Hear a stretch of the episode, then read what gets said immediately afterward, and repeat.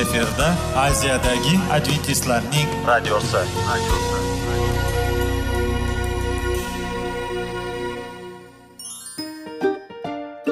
assalomu alaykum aziz radio tinglovchilar sog'liq daqiqasi rubrikasiga xush kelibsiz. Zero tananing sog'lom bo'lishi va uning kasalliklardan saqlash har bir insonning burchi hisoblanadi. Inson uchun bebaho boylik bu sog'liq salomatlikdir uni asrash esa har birimizga omonat qilib berilgan. Shuning uchun ham inson o'z sog'lig'ini ehtiyot qilishi voajib amallardan hisoblanadi. Dono xalqimiz sog'liq tuman boylik deb bejiz aytmagan. Aql idroq sohibi bo'lgan inson o'z hayotini qadrlashi lozim bo'ladi. Hozirgi kunda qanchalik dori darmonlar ko'paymasin tibbiy muassa sifati shifokorlar vasiyasi tibbiy texnika yaxshilanmasin. Agar insonning o'z salomatligi haqida qayg'urmasa kutilgan natijaga erishib bo'lmaydi va biz sizlarga bizning dasturimizga xush kelibsiz deymiz.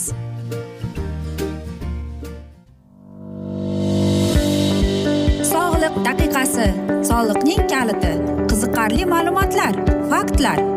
Har kuni siz uchun foydali maslahatlar. Sog'liq daqiqasi rubrikasi rubrikasi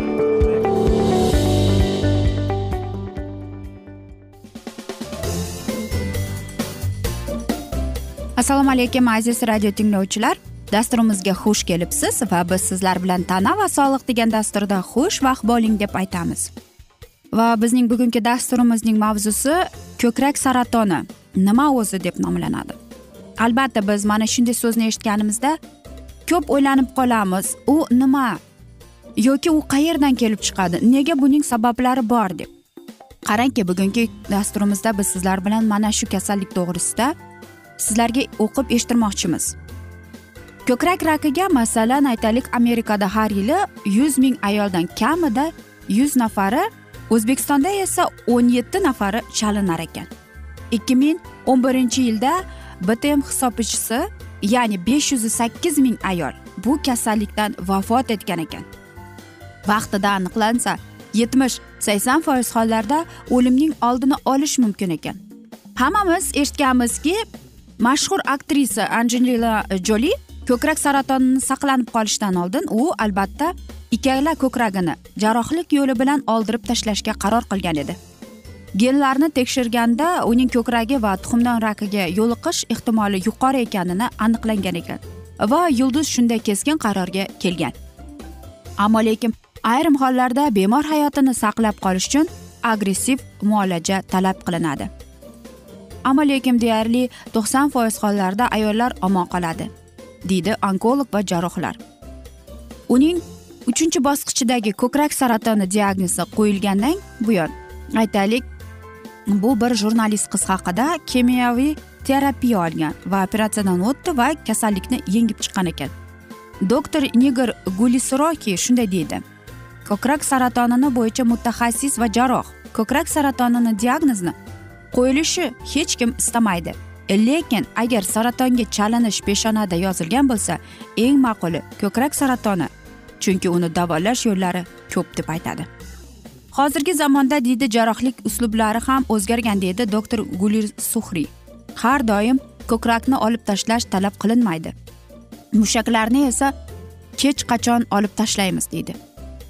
Ba'zi hollarda limfatik tugunlarni ham saqlab qolamiz. Ya'ni ayol badanini xunuk qilib qo'yadigan operatsiyalar vaqti o'tgan. Bugunda aksariyat hollarda ko'krakni saqlab qolamiz deb aytadi. Olib tashlash kerak bo'lgan holda esa plastik jarrohlik bo'yicha ajoyib mutaxassislarimiz bor deb aytadi. Shunday ekan mahorat bilan ular shunday ishlaydiki operatsiya bo'lganini ayoldan boshqa hech kim bilmaydi deb. Amerikada saraton jamiyati ma'lumotiga ko'ra ko'krak saratoniga chalinganlarning sakson to'qson foizi omon qoladi deb aytadi. Va albatta qarangki buning sabablari ko'p ekan. Saraton kelib chiqishiga turli sabablar bo'lishiga qaramay asosiy o'rinni irsiy moyillik va gormonal o'zgarishlar egallaydi deb aytadi. Ayniqsa estrogen gormonlarning ta'siri natijasida o'sma kelib chiqish xavfi yuqori bo'lar ekan. Osma paydo bo'ladi uning olib kelish chiqish olimlari judayam ko'p. Bu qarang anamezda qarindoshlar orasida o'sma kasallik bilan kasallanganlar bo'lishi mumkin. Ya'ni gen. Masalan kimnidir e, sizning qarindoshlaringiz yoki kimnidir yaqin qarindoshingiz shunday kasallik bilan kasal bo'lgan bo'lsa demak sizda ham bor. Hayz ko'rishning erta yoshlarda masalan o'n ikki yoshdan avval yoki klimaks davrining kech boshlanishi. Э, bu ellik besh yoshdan keyin hisoblanar ekan. Bular estrogen garmonining aktivligi bilan tushuntiriladi. Organizmdagi boshqa a'zolarda paydo bo'lgan o'smalar turli xil irsiy omillar ham bo'lar ekan. Ko'krak bezi saratoni tug'magan ayollarda va birinchi homiladorligi kech bo'lgan masalan o'ttiz besh yoshdan keyingi ayollarda kelib chiqishi xavfi yuqori bo'lar ekan. Yoki masalan radiatsiya ta'siri masalan nur terapiyasi qayta qayta rentgen nurlari bilan tekshiruvlar ekologik salbiy hududlarda yashovchilar va ishlovchilarda bo'lib keladi. Kam harakat hayot tarzi ham.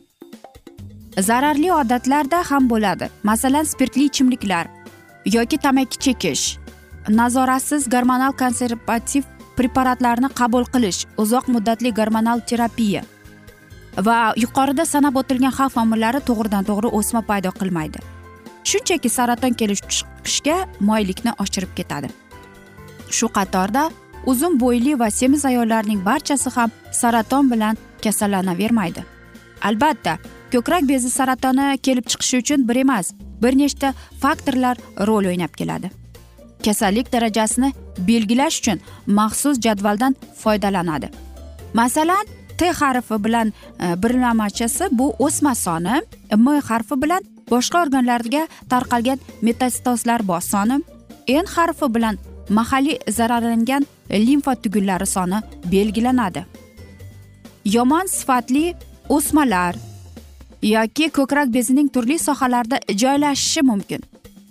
Teri qoplamlarda yoki areola va so'rg'ichlarda atrofida yuqori va pastki ichki kvadrat yoki yuqori pastki ichki kvadratda orqa qo'ltiq osti sohasida bo'lishi mumkin. Aziz ayollar bilamiz bu ko'krak saratoni deganda biz ba'zida cho'chib ketamiz. Lekin mana shunday bugungi bizning dasturimizga mana shunday mavzularni ko'tardik. Chunki yigirma birinchi asrning bu eng katta kasalligi hisoblanadi. Va o'ylaymanki bizning dasturimiz sizlarga mamnun bo'ldi deb. Chunki keyingi dasturda albatta mana shu mavzuni yana o'qib eshittiramiz. Aziz do'stlar biz albatta sizlarni qo'rqitib yoki bir narsa qilmoqchi emasmiz. Faqatgina ogohlantirmoqchimiz xolos. Va mana shunday dasturda bugun biz sizlar bilan afsuski yakunlab qolamiz chunki dasturimizga vaqt birozgina chetlatilgani sababli. Ammo lekin keyingi dasturda buni mavzuni yana ko'taramiz. Va sizlarda savollar tug'ilgan bo'lsa biz sizlarni salomat klub internet saytimizga taklif qilib qolamiz. Va biz umid qilamizki siz bizni tark etmaysiz deb chunki oldinda bundanda qiziq va foydali dasturlar sizni kutib kelmoqda. Va albatta biz sizlarga yaqinlaringizga sog'liq tilagan holda xayrlashib qolamiz.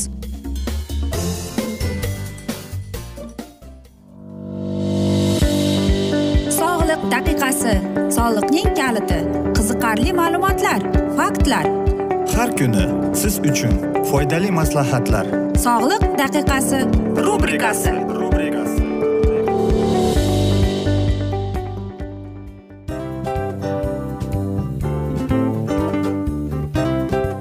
mana ha hayotda hamma narsaning yaxshi narsalar tugaydi va yakunlaydi degandek bizning dasturimizga ham yakun keldi. O'ylaymanki bizning dasturimiz sizga foydali bo'ldi deb aziz radio tinglovchimiz. Va siz o'zingiz uchun kerakli xulosalar kerakli maslahatlar olib oldingiz. Aziz radio tinglovchimiz biz bilan qoling va keyingi dasturlarimiz albatta undanda qiziqroq bo'ladi. Mana shu alfozda sizlar bilan xayrlashib qolaman.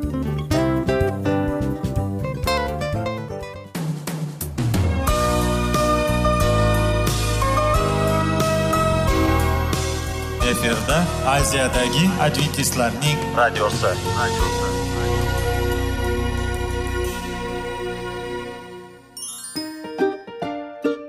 Assalomu alaykum aziz radio tinglovchilarimiz. Dil izhori dasturimizga xush kelibsiz. Pul insonni baxtli qiladimi? Albatta yo'q. Sog'liqchi. Albatta bo'lishi mumkindir. Lekin olimlar shuni isbotlashdiki to'liq va mukammal munosabatlar insonlarni baxtli qilar ekan. Albatta biz hayot davomida biz yaqin insonlar bilan odamlar bilan aloqada bo'lamiz va ular bilan munosabatlarimiz qanday kechadi qanday tuziladi?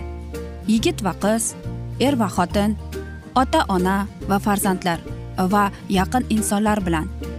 Balkim hozirgi vaqtda kimnidir hayoti yoki munosabatlari buzilyapti. Va bizning dasturlarimiz ularga yordam bo'ladi deb. Va oldinda sizlarni qiziqarli intervyular va mavzular kutyapti va biz umid qilamizki siz biz bilan qolasiz deb.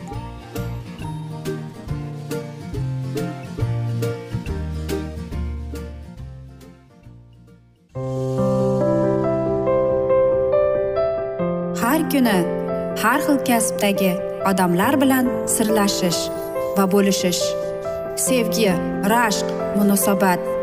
Bularni hammasi dil izhori rubrikasida.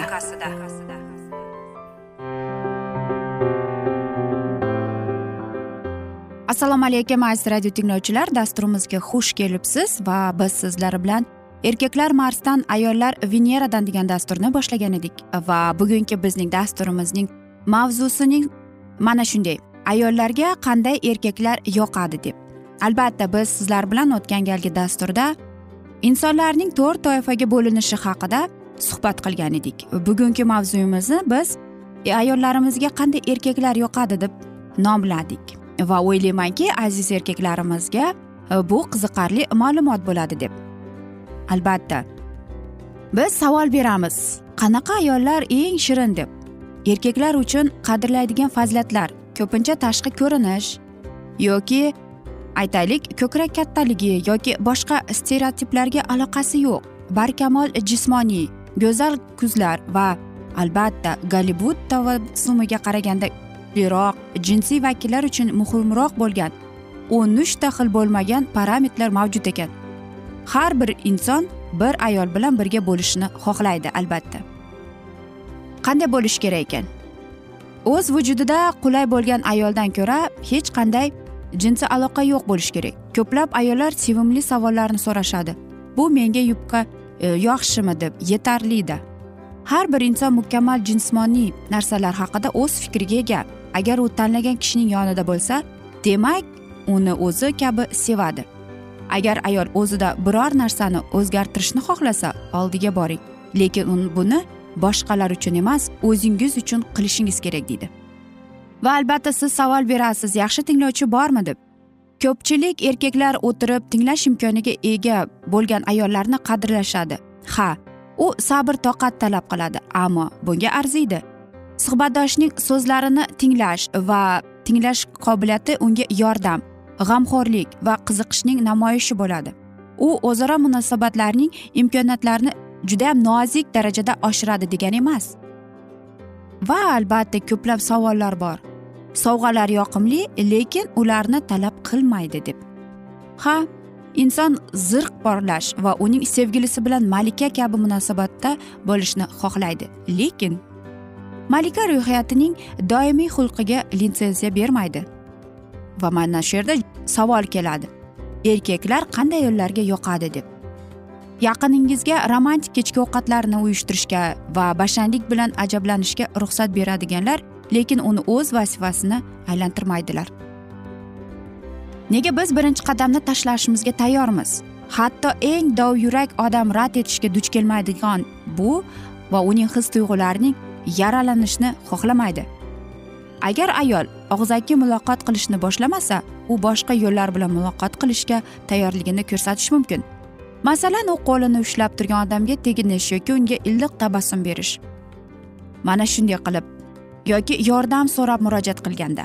Aksariyat ayollar erkaklar uyida ishlash yoki biron bir vazifani bajarishdan nafratlanadigan dangasa odamlar deb hisoblashadi. Biroq bu faqat uzoq muddatli munosabatlarga kirganlar uchun amal qiladi. Agar ayol yolg'iz odamga yaqinlashib unga yordam berish uchun tabassum bilan murojaat qilsa u ko'p hollarda tezda javob beradi. Erkaklar yordam so'ragan ayollarni yaxshi ko'radilar. Bu ular uchun yanada jasoratli bo'lib suhbatga olib keladi va himoyachining shartli instinkti uyg'otadi. Va aziz e, mana shunday qarangki hazili hissi borlarni yoqtirishadi. Yoki masalan biz ko'p ko'ramizki bolalar hazillashgan qizlarni sevishadi deb. Ko'ngilsiz yoki chiroyli aytaylik hatto eng qattiq va eng jasur yurakni eritishi mumkin ekan. Yoki eng mana shunday achinarli holi ham borki o'zaro munosabatlarda manipulyatsiya qilmaganlarni.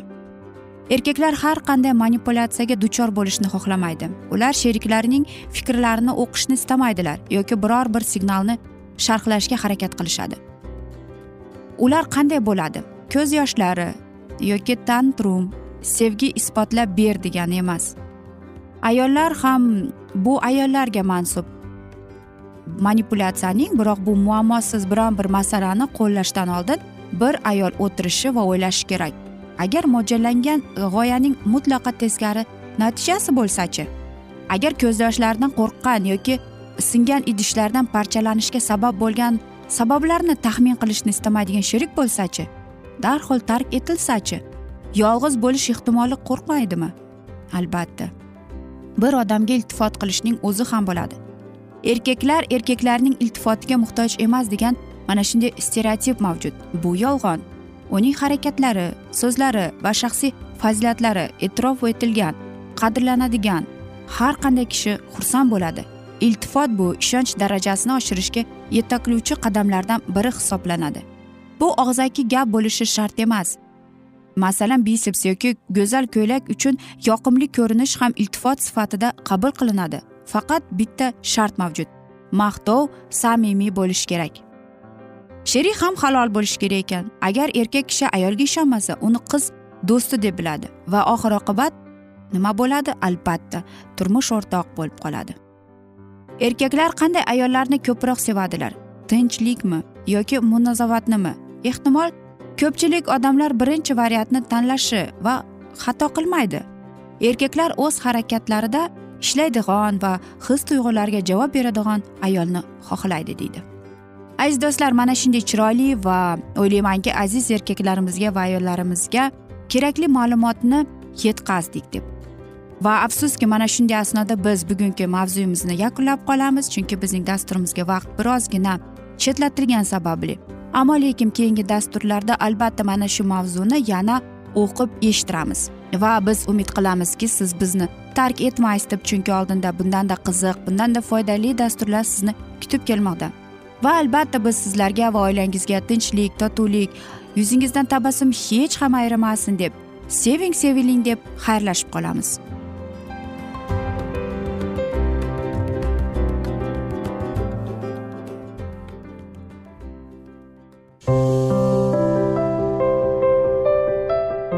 Har kuni har xil kasbdagi odamlar bilan sirlashish va bo'lishish sevgi rashq munosabat bularni hammasi dil izhori rubrikasida. Mana aziz radio tinglovchimiz bizning go'zal va foydali va chiroyli dasturimiz yakunlanib bormoqda. Sizlarga birozgina maslahat berib o'tmoqchi edik. Bir biringizni seving. Qadringizga yeting. Va erkalang albatta bir biringizni va sizga judayam chiroyli va mustahkam munosabatlar tilab qolamiz albatta. Sevgilingiz doimo yoningizda bo'lsin. Mana shu borada sizlar bilan xayrlashib qolamiz. Xayr.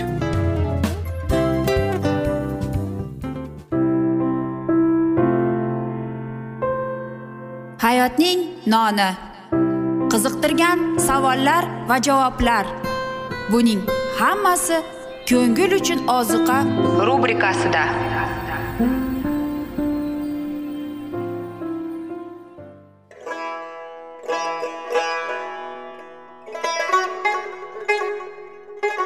Assalomu alaykum aziz radio tinglovchilarimiz. Ko'ngil uchun oziqa rubrikasida xush kelibsiz deymiz. Siz haqiqatni izlayapsizmi? Olamnimi? Umidnimi? Siz kimga murojaat qilmoqchisiz? Odamlar ko'pincha siyosat kuchiga tayanadilar. Dunyo iqtisodiyoti holati tobora chuqurlashib bormoqda. Tabiiy ofatlar va texnogen halokatlar minglab insonlarning hayotini olib ketib juda katta zarar yetkazmoqda. Sizga abadiy hayot inomini hadya qiluvchi va hayotingizni tubdan o'zgartiruvchi haqiqatni izlab toping. Xudo haqidagi haqiqat uning kalomida mujassamlashgan. Kimki bu haqiqatni butun qalbi bilan izlasa albatta unga yetishadi. Bu sevgi xudoning tarixidir. Hayotingizda yoki sizning yon atrofingizdagi olamda nimalar yuz berishidan qat'iy nazar? Siz ertagi kunga buyuk umid va ishonch hosil qilishingiz mumkin. Hozirda xudo sizga taklif qilayotgan umid ishonchga o'z qalbingizni oching va sizni qiziqtirayotgan mavzularni savollaringizga javoblaringizni topib olasiz deb umid qilamiz. Biz bilan qoling.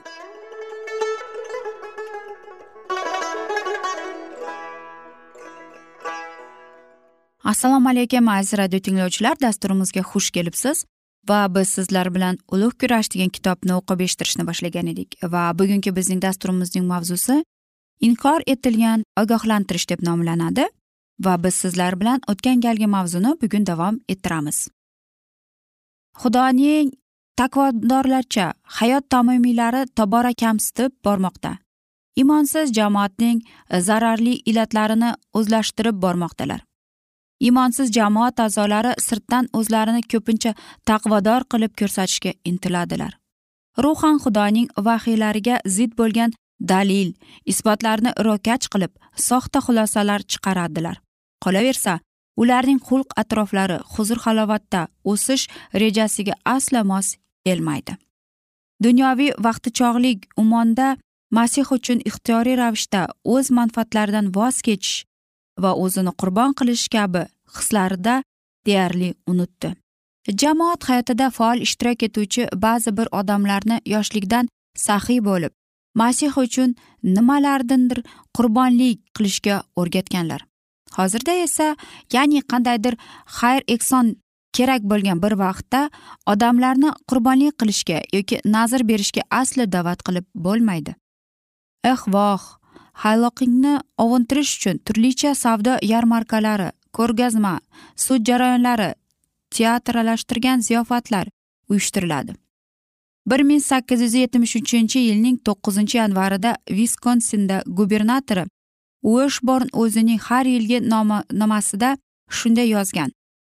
Kartaboz ya'ni qimorbozlarni yetishtirib chiqarayotgan maktablarni yopish uchun qandaydir qonunni qabul qilish lozim. Ushbu ofat hamma joyga tarqalib ketgan. Hattoki jamoat ham albatta beixtiyor ravishda. Ba'zida iblisning ishini bajariladi. Ba'zida yaxshi niyat bilan biroq ko'pincha sababning hikmatli bo'lishiga juda qiyin. O'tkazilayotgan xayriya konsertlari yoki lotereya o'yinlari auksionlar sovrinli o'yinlar va shu kabi qabilarning hammasi hech bir qiyinchiliksiz mo'may pul topishning yo'li bo'lib qolmoqda. Biroq mehnat qilmay pul topish yo'lida boshqa hech bir illat yoshlar tarbiyasiga bu kabi yomon ta'sir ko'rsatmaydi. Bunday xayriya savdosiga berilib ketgan obro' e'tiborli odamlar yig'ilgan mablag'lar ezgu maqsadlarga ishlatishni bahona qilib o'zlarini o'zlari yupatadilar. Qimor o'yinini paytida hukm surgan va o'smirlarni cho'lg'ab olishi mukarram bo'lgan his hayajonga shtat yoshlarining ushbu xavfli illatlar shu qadar moyilligiga hayron qolishi kerakmi? Deyarli hamma masihiy e, jamoatlar dunyoga moslashadilar. Robert atkins o'zining londondagi vazitda shu paytda angliyada hukm surgan ruhiy tushkunlikning qayg'uli ko'rinishini shunday tasvirlab berdi. Haqiqiy solihlar bu yorug' dunyoni tark etib ketmoqdalar. Biroq bunday holatdan hech kim qayg'urgani ham yo'q. Hozirgi zamonda har qanday jamoatda masihiylikka e'tiqod qiluvchilarni dunyoviy hayot qiziqtirib olgan. Ular dunyoga berilib ketganlar o'tkinchi huzur halovatni afzal ko'rib e'tibor va hurmatga sazovor bo'lish haqida qayg'uradilar. Masih bilan birga azob tortishga da'vat etganlar. Arzimasgina qudratdan esankirab o'zlarini yo'qotib qo'yadilar. Har bir jamoatning eshigida murtalik murtalik deb yozilgan. Agar ularning buning hammasi tushunganida edi o'shanda umid bo'lishi mumkin edi. Lekin ming afsus. Ular ovozlarining boricha shunday deb har jar solsa biz boy va davlatmiz. Bizning ezgu ishlarimiz tobora ko'payib bormoqda. Qolaversa biz hech narsaga muhtoj emasmiz.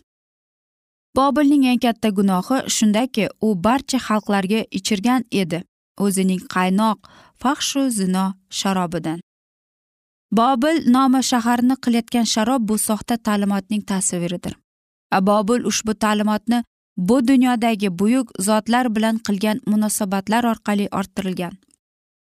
E, dunyo bilan do'stlashish e'tiqodni soxlashtirishgan. O'z navbatida esa bunday odamlar xudo kalomining aniq va ravshan taqidlariga zid qiluvchi o'z ta'limotlari orqali olamga yomon ta'sir ko'rsatadilar.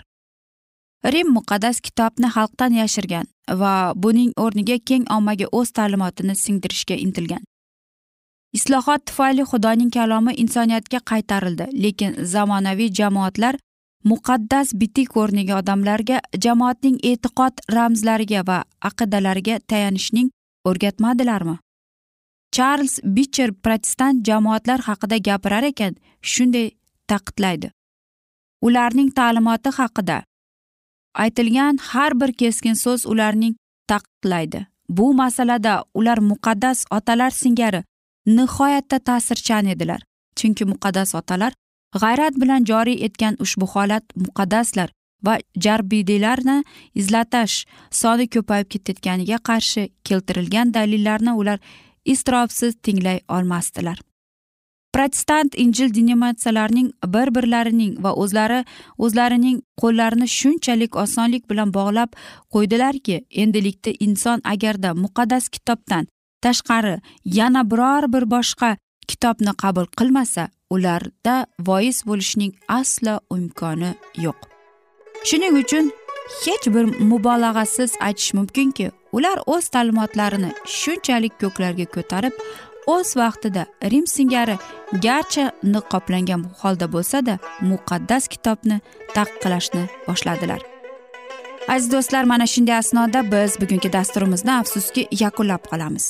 Va sizlarda savollar tug'ilgan bo'lsa biz sizlarni adventis tochka ru internet saytimizga taklif qilib qolamiz. Va albatta yaqinlaringizni o'zingizni ehtiyot qiling deb xayrlashib qolamiz.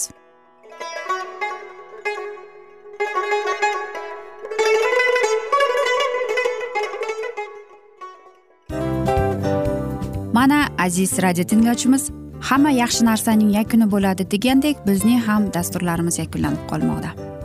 Aziz do'stlar o'ylaymanki bizning dasturlarimiz sizlar uchun judayam foydali bo'ldi deb bizning dasturlarimizdan siz o'zingizga foydali va judayam kerakli maslahatlar oldingiz deb. Masalan sog'liq borasida biz sizlarga sog'liq tilaymiz albatta lekin bizning maslahatlarimizga ham amal qilishga unutmang. Munosabatlarga kelganda bu munosabatlar chuqur va yaxshi bo'lishi uchun uni ustidan ishlash kerak albatta. Diniy masalaga kelsak aziz do'stlar bu judayam jiddiy va chuqur nazarni talab qiladi. Ammo biz sizlar bilan xayrlashib qolmaymiz keyingi dasturlarda eshittirishimizni davom ettiramiz va sizlar bilan mana shu yaxshi kayfiyatda xayrlashib qolamiz. Va keyingi dasturlarda ko'rishguncha xayr!